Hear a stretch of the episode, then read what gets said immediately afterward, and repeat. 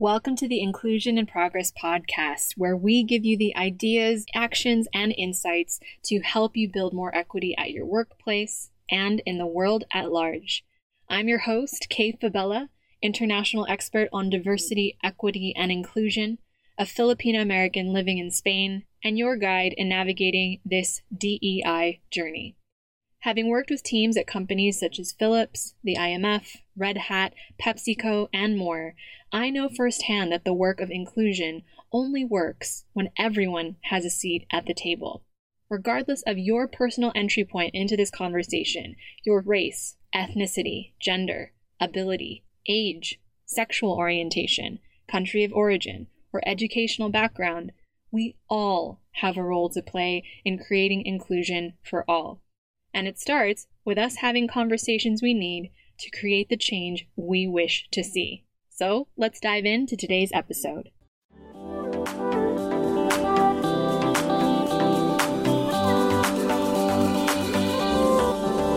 On this episode of Inclusion in Progress, we will be welcoming Dr. Janice Gassam. She is a TEDx speaker, a Forbes senior contributor on all things diversity, equity, and inclusion, a business professor, and diversity and inclusion consultant with a PhD in organizational psychology.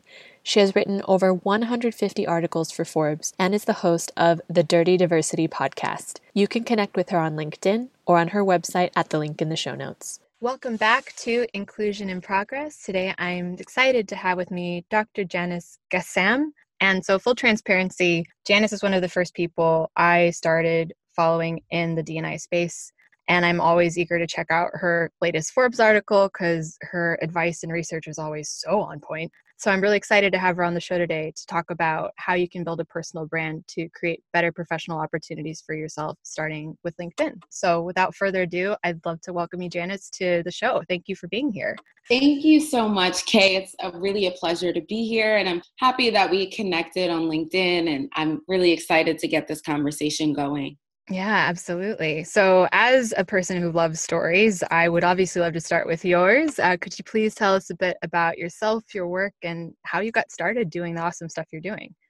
Sure. So sometimes when people ask me, like, what sparked my interest in diversity and inclusion, I have to think a little bit about it. And I think it was multiple factors. So my parents are originally from Cameroon which is a country in Western Africa next to Nigeria and Chad. I come from a family where, you know, we're my brother and my sister and I are first generation American. It was like we had to sort of acclimate ourselves to American culture, to Black culture, to our parents' culture. And I think that I've always been really interested in the racial dynamics in America and just like you know, figuring out who we are as a people and really, really complicated the racial dynamics here in the United States. So I think that that played a huge part in my interest in diversity and inclusion. And uh, nine years ago, I started a YouTube channel where I just talked almost exclusively about race so I think that my interest has always been there. I just didn't know that it would sort of manifest into a career focusing on diversity and inclusion. I kind of saw it as like a side hobby or a side thing. Um, and anytime anyone would want to engage in discussions about race and identity, I was always like that person that was really, really involved in the discussion. But when I got to college, I decided to study psychology. Um, I was really interested in why people do the things that they do. And psychology was just really fascinating to me. My parents weren't all the way on board at first. And being from Africa, my parents wanted me to really focus on being a doctor, a lawyer, something along those lines. So I know that a lot of like first generation uh, kids can sort of sympathize with that. And our parents you know they just want the best for us. But so i studied psychology. After i finished my undergrad degree i didn't really know what i wanted to do. And i was working at a bank. And then my dad was like you need to really try to get back into school because you're not going to get a job with just a undergraduate degree in psychology. So I went back to school. My dad has a background in economics and finance, so I thought that maybe I should pursue that. So I was in business school for like a semester and a half and I quit. I was not doing well. I didn't really economics and accounting were not my thing at all and I realized that this it wasn't what I wanted to do. So I took a little like a couple months off after I quit business school and I looked into some other programs that interested me. And I had taken a marketing class in college and I really, really enjoyed it. I was doing some research and I found something called industrial organizational psychology. And that's basically like the psychology, but of an organization. So, where I was living at the time, which was like a rural town in Louisiana, I found a program that was like, I finished in a year because it was a trimester system. So that was really when the wheels started turning. So I got my uh, master's degree in industrial organizational psychology, and I was still really fascinated with the field. So I decided to pursue a PhD. And at the time, I was like five hours from New Orleans. So I was right outside the border of Texas. And as you can imagine, that part of the country is pretty conservative and I wanted to move to a place where there was a lot of diversity. So I decided to pursue educational opportunities in New York. So I got into a PhD program in New York, moved there, and it was, you know, it was a really great experience. And I'm glad that I did decide to make that move. And when I was in school, I was doing a little bit of tutoring, and then I had an opportunity to teach a college course. And then that's when I really realized, oh my gosh, I love to teach and I would love to do this, but with executives. So, like doing trainings and things of that nature. So, that was really, I guess, when my career in diversity and inclusion began. that was kind of a long winded answer, but. no, that's amazing. I to reflect back to the first generation struggles, I was letting you speak and I was like, oh, nope, I'm definitely nodding along. I, mm-hmm. um, absolutely. um, but I love how I think it, it's so cool to see that what was a lived experience for you and being at that intersection between all these different filters like you said and just a general fascination with just how people work and how culture works and how organizations work led to you landing on you know on this amazing stuff that you're doing now within companies. So i'd love to hear i know that you said you started the youtube channel. Obviously one of the reasons i found you is because i found your series of articles now. I've I think I've read almost everything by you now on your Forbes page. Wow, um, thanks so much. I know I put out a lot of content. So oh, it's incredible. I will definitely be sure to put a link to all that in the show notes. But I'd love to hear how because people hear a name like Forbes or people see something like a TEDx talk, and I know people who are listening to the podcast are thinking, I have a story to share and I want to do stuff related to putting myself out there, putting my community out there as an underrepresented professional. How do I, or what are the steps between now where I'm at, where I don't see those opportunities available to me, and what it sounds like that you were able to do, which is to create those opportunities for yourself? Could you walk us through that? Sure. For me, ironically, some of the best opportunities of my life came when I was at a really low point in my life. So after I got my PhD, I only had teaching experience. So I was trying to pursue corporate opportunities in New York City. And most of my cohorts, the people that I went to school with, they're working in these huge companies, some in Goldman Sachs, some at McKinsey, some at Ernst and Young, and I wanted that opportunity as well. And I wanted to kind of get into that diversity space, but in these large corporations. And I probably applied to over a hundred different jobs in the span of six months and I was just getting rejection email after rejection email, if I even got an email at all. So I was really, really discouraged because I felt like okay, I've spent a lot of money and time and effort and sweat and tears on this degree, and I am not seeing the return on my investment. I can't have a PhD and call myself a doctor and now I'm jobless. So it was a really it was a really low point for me even at my graduation. So I defended my dissertation, which is basically when you become a doctor in around September of 2017. During that year, I also got engaged so it was like a really difficult time because I was like, I'm really excited about getting engaged, but I also am now stressing about paying for a wedding and getting a job and finishing my PhD. So it was like a really bittersweet moment in my life. And in December of 2017 is when I had the opportunity to give a TEDx. So, what I started doing while I was jobless and I had a lot of free time was just really putting more effort into my LinkedIn page. And I recognized that applying for jobs was leading me to dead ends. So I was like, I really need to sort of beef up my personal brand and market myself better. So I started writing articles on LinkedIn. I was just really putting all of my experience on there because I think what many of us do is just we have a LinkedIn, we put our educational background, we put our jobs, and then we leave it at that. But there's so many more things that you could put on there. You could join groups, you could um, talk about your volunteer experiences, you could um, be posting statuses and articles and videos and photos and, and sharing information. And I wasn't really doing that until the end of 2017. So what happened was I've always dreamt of doing a TEDx.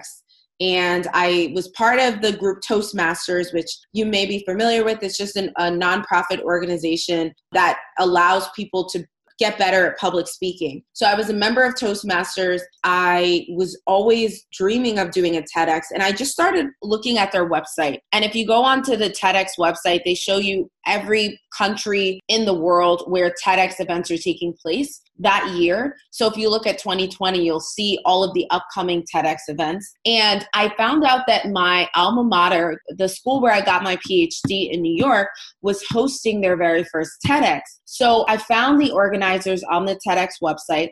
I emailed them on LinkedIn. I didn't receive a response. This was in September of 2017 in November, I got a message back from one of the organizers, and she said, Hey, we're accepting applications, video applications for the TEDx. So if you are still interested, uh, please send a video application to this email address you know, I was like, oh my gosh, they're still accepting. So I went in and I sent a video application. This is where kind of like my YouTube experience came in handy because I'm used to being on video just from recording myself on my phone. so I sent in a video and then maybe a week later, I received an email saying, congratulations, you've been accepted to give a TEDx talk. And I was so excited. And it was just that, such a happy moment for me because I was at such a low point in my life. I didn't have a job. I was a doctor, but without a job. So that was a really exciting moment. And I gave the TEDx talk while I was still jobless in December of 2017. So I had a week to prepare. So I did that in December of 2017. And then in 2018, in the first part of the year, I was just adjuncting at a nearby university. So I was teaching like one class here and there and still looking for a job what I wanted to do was more speaking engagements. So I started looking at different panels and speaking opportunities in New York City. And there were a lot of them related to diversity and inclusion. I actually saw on LinkedIn, one of my connections posted this conference called HR Redefined. So every year, there's this uh, HR related conference that takes place in New York City every summer. And actually, the keynote speaker was Adam Grant, the author and organizational psychologist. So, you know, I saw this conference and uh, reached out on their website and developed kind of like a workshop they were calling for speakers and workshop proposals. So I sent out a workshop proposal and they emailed me back maybe a few weeks later and said, Oh, we loved your workshop idea, but we would prefer to make it into a panel. So they invited two other people to speak on the panel with me, and they were HR professionals and people who do diversity and inclusion work. We had the panel in June of 2018. At this point, I was still jobless. And it was a really great panel, and a lot of people ended up showing up. About a week or two after the panel, I received an email from an editor at Forbes. And in the email, she wrote, Hey, I was at the panel at HR Redefined. I really enjoyed your talk. Are you interested in writing articles for Forbes? Because we're really trying to do more of a focus on diversity and inclusion. Is this something that interests you? And I was like, oh my God, yes. so it was like a really exciting moment for me, um, particularly because since I was young, I've always loved to write. Um, I thought I was going to either be an illustrator because I was big with drawing and painting. Um, but of course, my parents weren't having that. So I thought I was either going to be an illustrator or an artist or a writer. Um, I've loved writing since I was young. And when she sent me that email, I emailed her back, and the next thing she asked me for was writing samples. And the only writing samples that I had, besides my 200 page dissertation, was actually articles I had written on LinkedIn.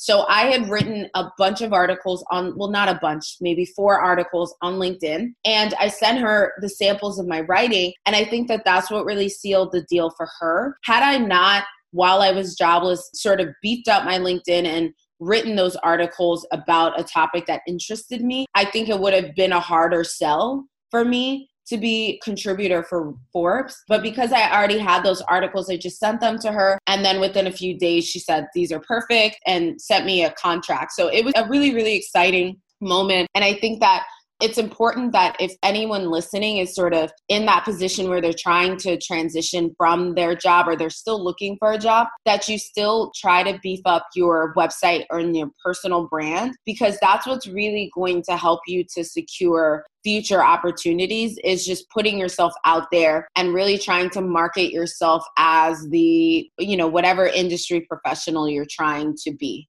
I love that. It's so incredible, right? It's always breakdowns before breakthroughs. I find yes, I love that. I love how transparent you are with your journey, but also I think so many people can relate to being at these career crossroads, whether because of circumstance or or by choice or whatever it happens to be. And so the fact that you took what was admittedly a very difficult period in your life and leveraged your your writing your passion for diversity and inclusion and i mean as somebody who avidly consumes your articles your real knowledge and vocabulary around it it's so cool to hear how you're able to parlay that through a series of really great great events into into the opportunities that you have now and i couldn't agree more about the importance of of personal branding for sure.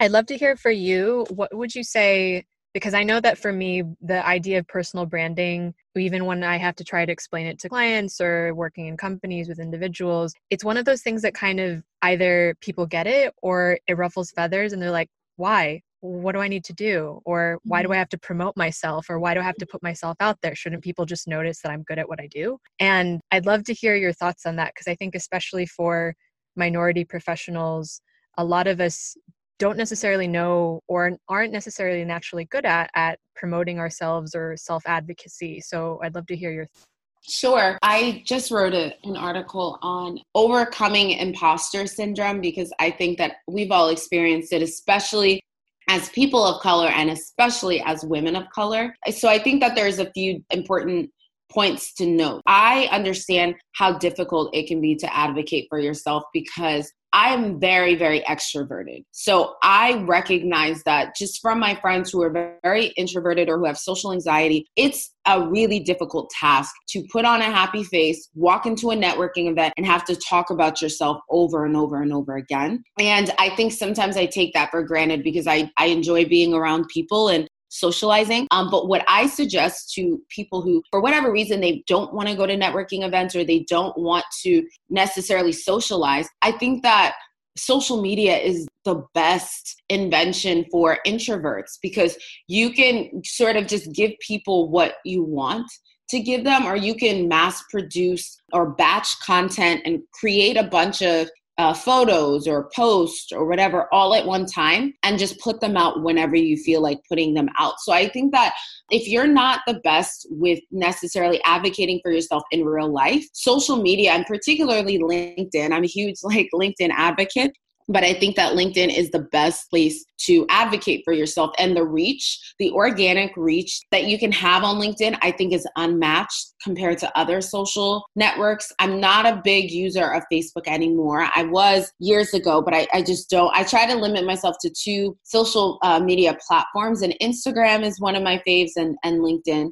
I don't really use Snapchat or Facebook or TikTok. I know the kids are using that now, but I think that's one of the best places to share what you're doing. And I think we don't want to come off as too sort of haughty and too um, like we're not being humble and that we're just bragging about ourselves constantly. But I think it's important to share the work that you're doing. If you're not an extroverted person and you don't like to do a lot you can share the accomplishments that you've made at work. You can share your educational achievements. You can share just, you know, what books you're reading, what books you found really interesting, an article you found. So I think that there are ways to really share your accomplishments. And we don't do enough of that. And I don't see enough of that on LinkedIn where if you were invited to give a talk, I think it's always important to share that with your audience because what I've realized is people live in their own spheres of what's going on in their lives. So people don't know all the things that you're doing unless you tell them. So I think that sometimes we assume, even when we post things, sometimes we make the assumption that people see it all the time. And it's like, well, I posted about this. And it's like people don't always see things, and there's so much noise going on in everyone's lives that it's easy to miss things. So I think that one of the best traits to have, and before this show started, we were talking about consistency. I think that I really try to and strive to be consistent because I think that any sort of success that you'll get with personal branding or um, just in life, anything that you do, you have to be consistent. So I would say if you're not really big with talking about yourself and giving elevator speeches in person, using social media as a tool to share what you've been doing and your accomplishments can be a really, really great way to brand yourself. And it's kind of like, you know, a brag sheet, but without physically writing out all of the things that you know the accomplishments you've you've had it's just kind of like an ongoing brag sheet where you share with your audience in the world hey this is a talk i recently gave or this is a project that i i successfully completed at work and this and that. So i really think that social media is our an amazing excuse me is an amazing tool for sharing our accomplishments and and sort of letting the world know because people don't know uh, unless you tell them. And I think we have to stop making the assumption that people will see the hard work that we're doing. People don't. And the world is getting noisier and noisier, and there's so many distractions. So I think that it's important to make a practice of like sharing your accomplishments with your audience. I love all of that. There's so much I wanted to jump in on, but I just 100% agree. One is an introvert that that social media is such a great way to see it. I think it's a really helpful reframe for fellow introverts who are listening that you get to control the narrative and you get to control it on your terms and when your energy is at its highest. Yeah, exactly. and so I think that's a super valuable thing to think of is that you get to decide how you want to show up. You get to decide. And I also love the point that you made about choosing one or two platforms top. I know for me that video was something that I was never really a fan of or never really understood, which it sounds like mm-hmm. you really got on YouTube. But for other mm-hmm. people, it's just maybe you're like me or you're looking for places that play to your strengths or native platforms that you understand. And i the last point that you said about linkedin i think it's it's super helpful from a professional level not just because of the opportunities for visibility but also because i think that there's almost a more elevated dialogue that's happening i'm finding or at least a more because it's a professional platform you're not going to get you may occasionally get a weird LinkedIn message from somebody who thinks it is a dating platform. But that mm-hmm. aside, mm-hmm. it's actually a really great way to put yourself out there to show and build your authority very quickly and to network with like minded people. And so I really love that you're also team LinkedIn like I am. And yeah.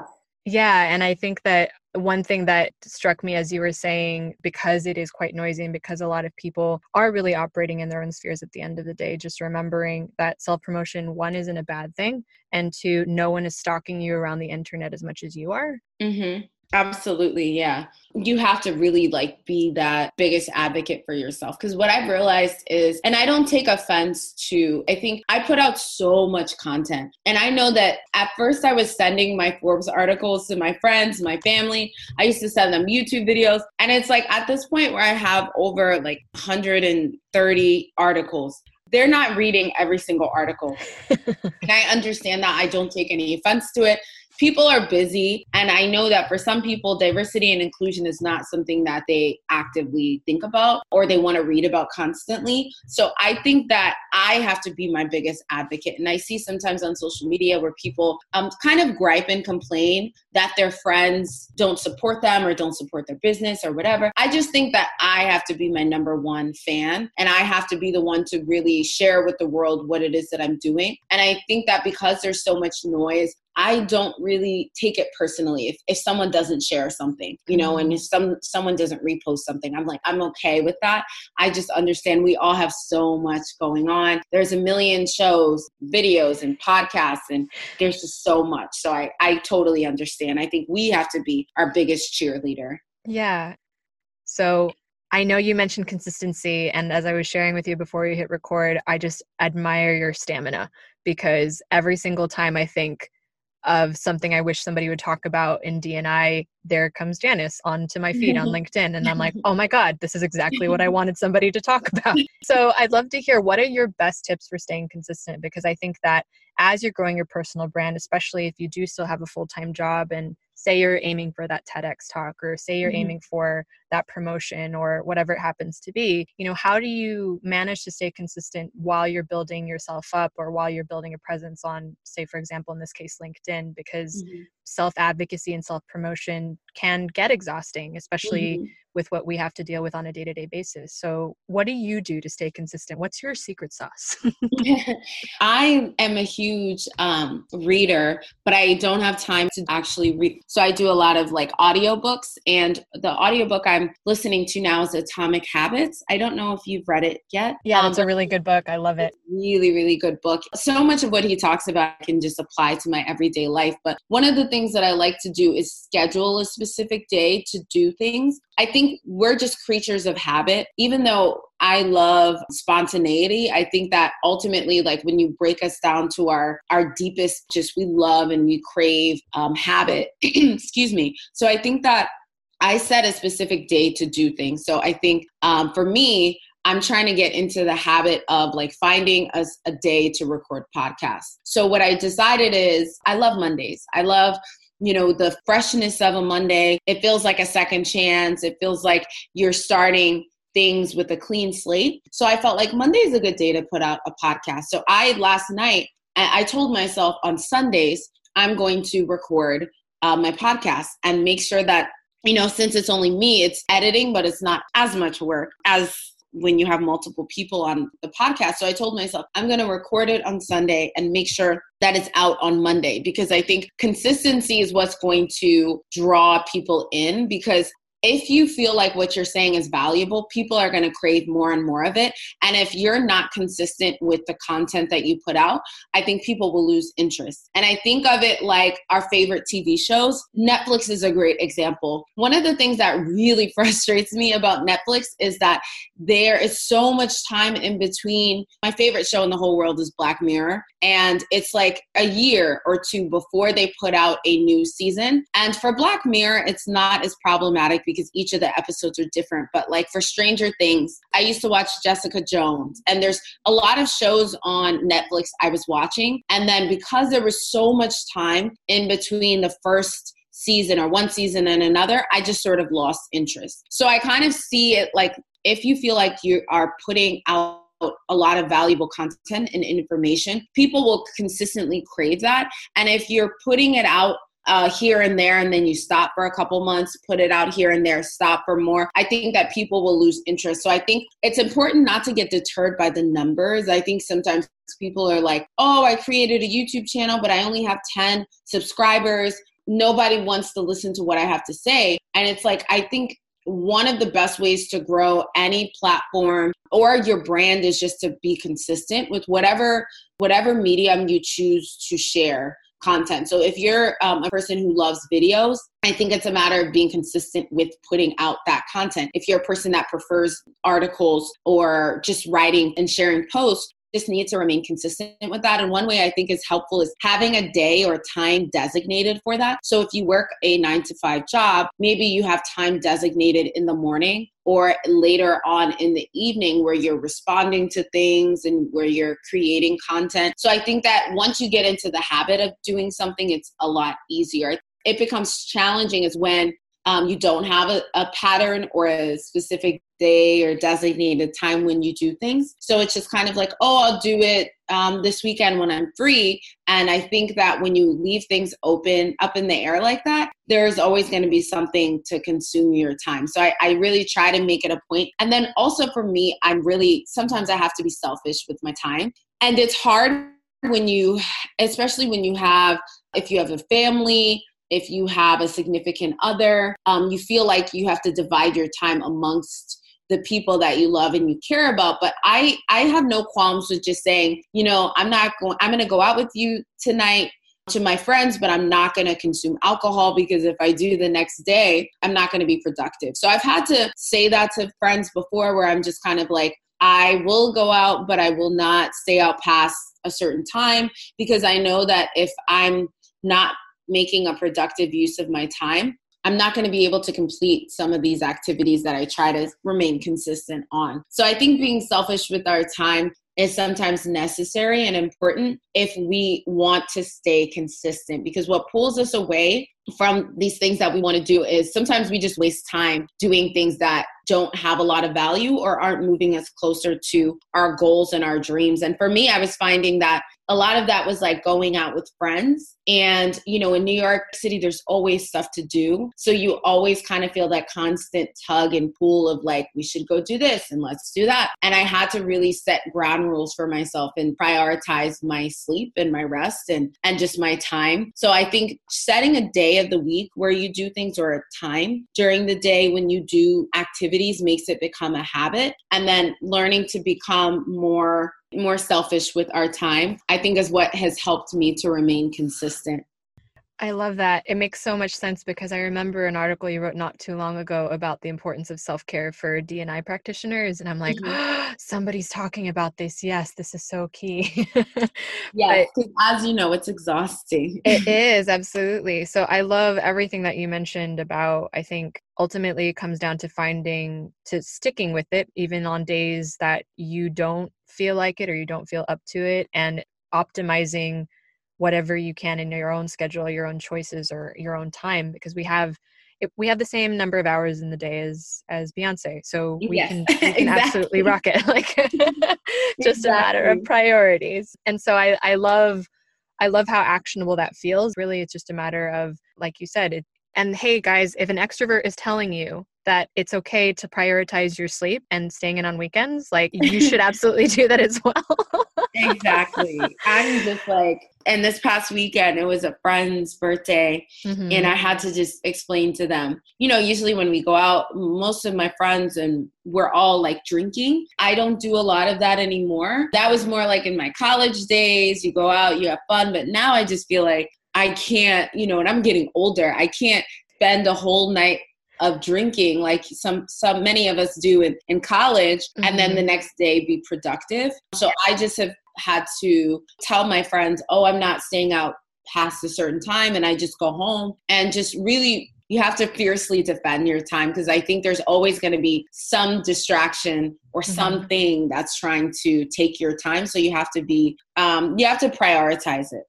Yeah, absolutely. I think that fierce dedication towards whatever goal it happens to be, especially in the context of building a personal brand that'll help you get to the goals that you want or the objectives that you're aiming for i think is so critical and i really appreciate you sharing your your knowledge with us today. And speaking of time i could obviously talk to you for hours but i do want to be respectful of yours. So i would love to ask you where can people find you to continue the conversation and learn from you? I would say uh, the, the best place really is I hope everyone listening has a LinkedIn and is active on LinkedIn. Um, but LinkedIn is probably the best place. Um, I'm on there a lot. I want to say I live on LinkedIn. Um, and uh, recently, uh, Gary Vaynerchuk said in a video that, like, out of all the platforms, LinkedIn is the best right now because the amount of people that are putting out content there aren't enough people putting out content as there are people consuming the content. Mm. So for someone that puts out content on LinkedIn, it has a vast, a more vast reach than Instagram or Facebook, where there's lots of people putting out content and less people to sort of view the content, if that makes sense. So definitely on LinkedIn, I'm Janice Gassam, G A S S A M on LinkedIn. And then on Instagram, I'm up there a lot. It's Janice J N I C E. So Janice J Nice. That was like my um, J Nice was like my moniker on YouTube. So uh, Janice J Nice or LinkedIn. Fantastic. Well, I'm so glad to have you with us on Inclusion in Progress. And for those of you listening, please be sure to follow Janice, uh, look her up. She's most of the diversity and inclusion articles you'll find on Forbes. And of course, if you're listening, tag her or myself on social media. Let us know your favorite insights from our conversation. And of course, please don't forget to subscribe, rate, and review the podcast on iTunes. Every bit helps. Thank you so much, Kay. thank you. Thank you. And of course, every bit helps to get the message, tools, and resources resources shared on Inclusion in Progress to the people who'd most benefit from a more inclusive world. So thank you again, Janice, for being here, and I will see you guys all on next week's episode. Thank you, Kay.